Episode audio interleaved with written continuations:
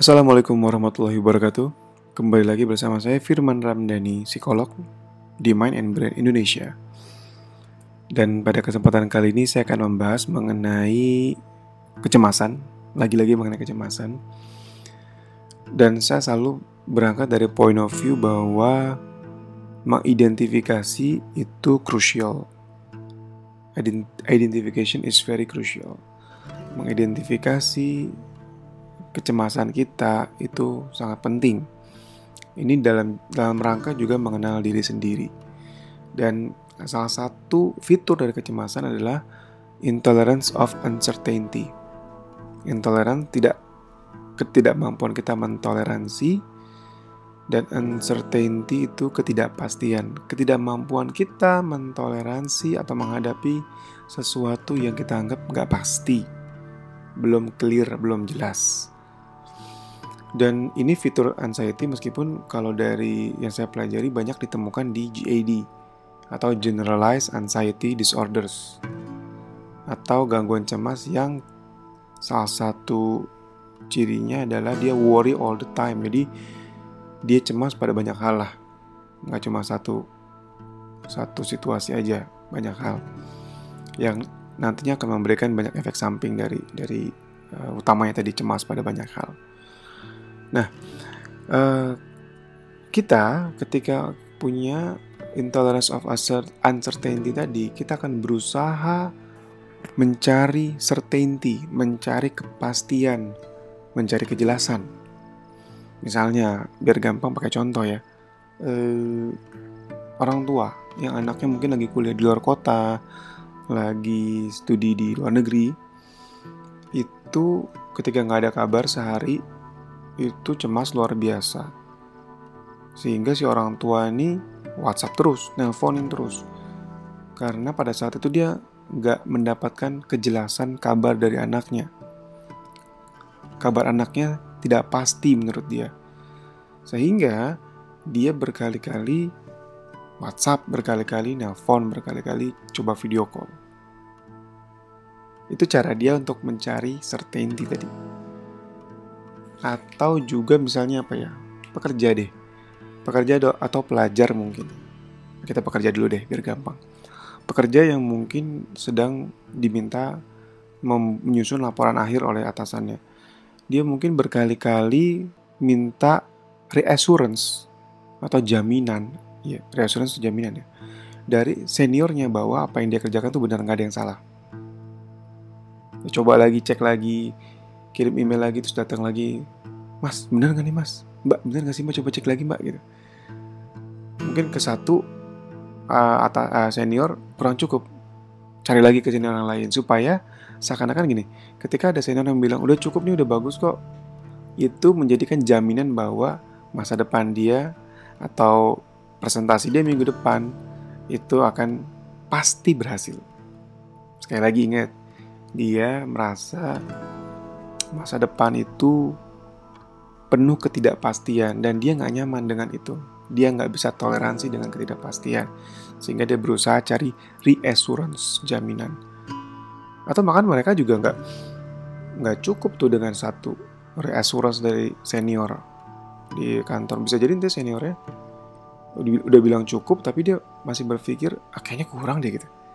Karena dari dari penjelasan si dari buku yang saya baca even worry-nya, khawatirnya, sikap khawatirnya itu sendiri menjadi salah satu cara si uh, individu untuk mencari uh, apa namanya reassurance, mencari kepastian untuk masa depan. Seakan-akan dia kalau nggak worry itu masa depan tuh jauh lebih tidak pasti. Jadi itu disebut positive belief about worry. Ada beberapa klien yang berpikir worry atau khawatir itu justru akan berdampak positif sama dia karena dia akan menjadi lebih alert, lebih lebih aware, lebih siap, lebih tahu untuk bisa menghadapi masa depan yang tadinya penuh ketidakpastian. Atau misalnya dari contoh pekerja mungkin pelajar yang mau presentasi skripsi misalnya deh, mahasiswa berarti ya, atau disertasi yang mahasiswa magister dia mungkin role play diulang-ulang sama temennya. Eh gue udah bener gak sih ngomongnya? Gitu. Atau mungkin dia lagi ikut mau ikut lomba. Gue bener gak sih? Coba deh lo cek lagi deh gitu. Ada yang salah nggak mimik gue gimana? Uh, ekspresi gue gimana? Uh, intonasi gue gimana? Gitu. Dicek lagi berulang berulang karena sekali lagi itu cara dia supaya dia mendapatkan reassurance atau jaminan bahwa ketika dia tampil pas presentasi setidaknya pasti dia berhasil dia pasti sukses. Karena sekali lagi dia intolerance of uncertainty. Nggak mampu mentoleransi sesuatu yang tidak pasti ya tidak penuh kejelasan.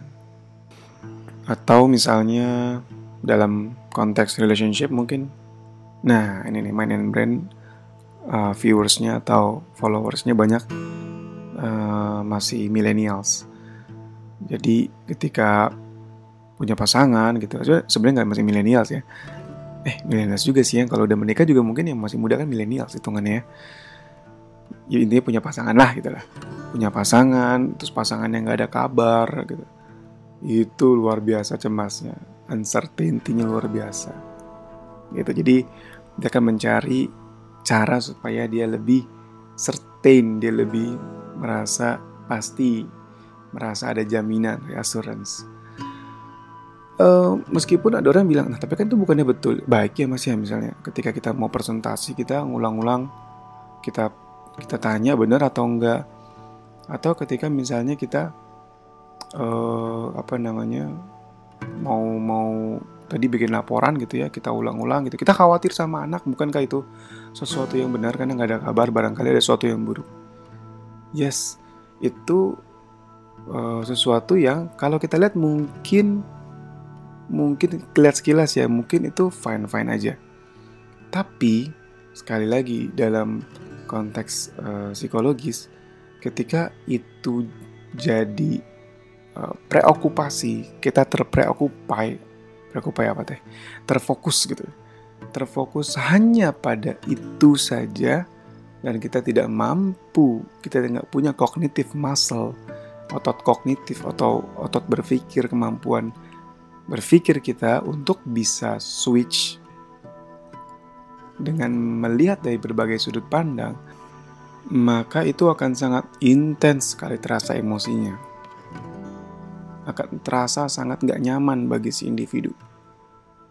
Gitu.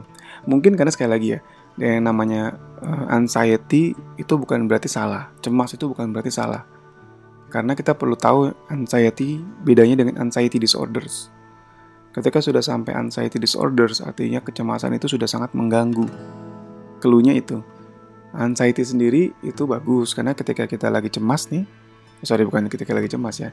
Kalau kita punya cemas, kita keluar rumah pakai masker karena sekarang lagi musim covid nih kita cuci tangan kita uh, pakai face shield misalnya karena kita khawatir bahwa nanti bisa kena atau tertular virus. Jadi kita persiapkan diri kita mempersiapkan diri kita. Dan itu part of uh, cemas part of khawatir. Dan itu nggak mengganggu. Beda ketika nanti jadi anxiety disorders. Nah, itu artinya disorders, itu artinya sudah mengganggu banyak area di kehidupan kita. Area sosial, area pekerjaan, area belajar, atau area lainnya. Dan sebenarnya ketika kita cemas berlebihan, meskipun belum sampai disorders, itu sudah mengaktifkan ya sistem stres kita, sudah membuat hormon stres kita aktif dan kita semua tahu apa efeknya kalau hormon itu hormon stres itu banyak di tubuh kita.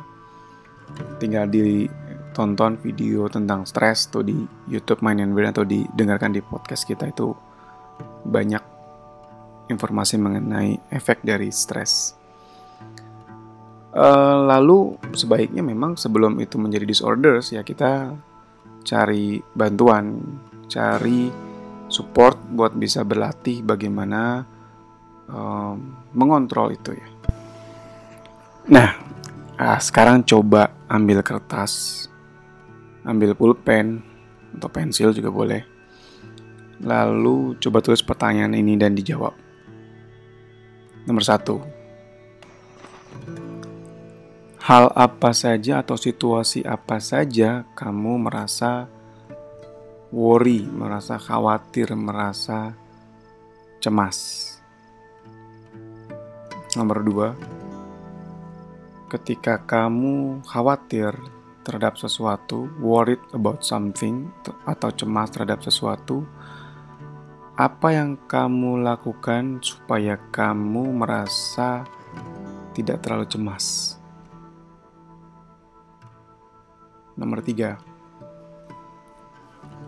apa hal yang kamu lakukan supaya kamu mendapatkan garansi bahwa situasi atau sesuatu hal akan berakhir oke, okay, akan berakhir fine, akan berakhir baik.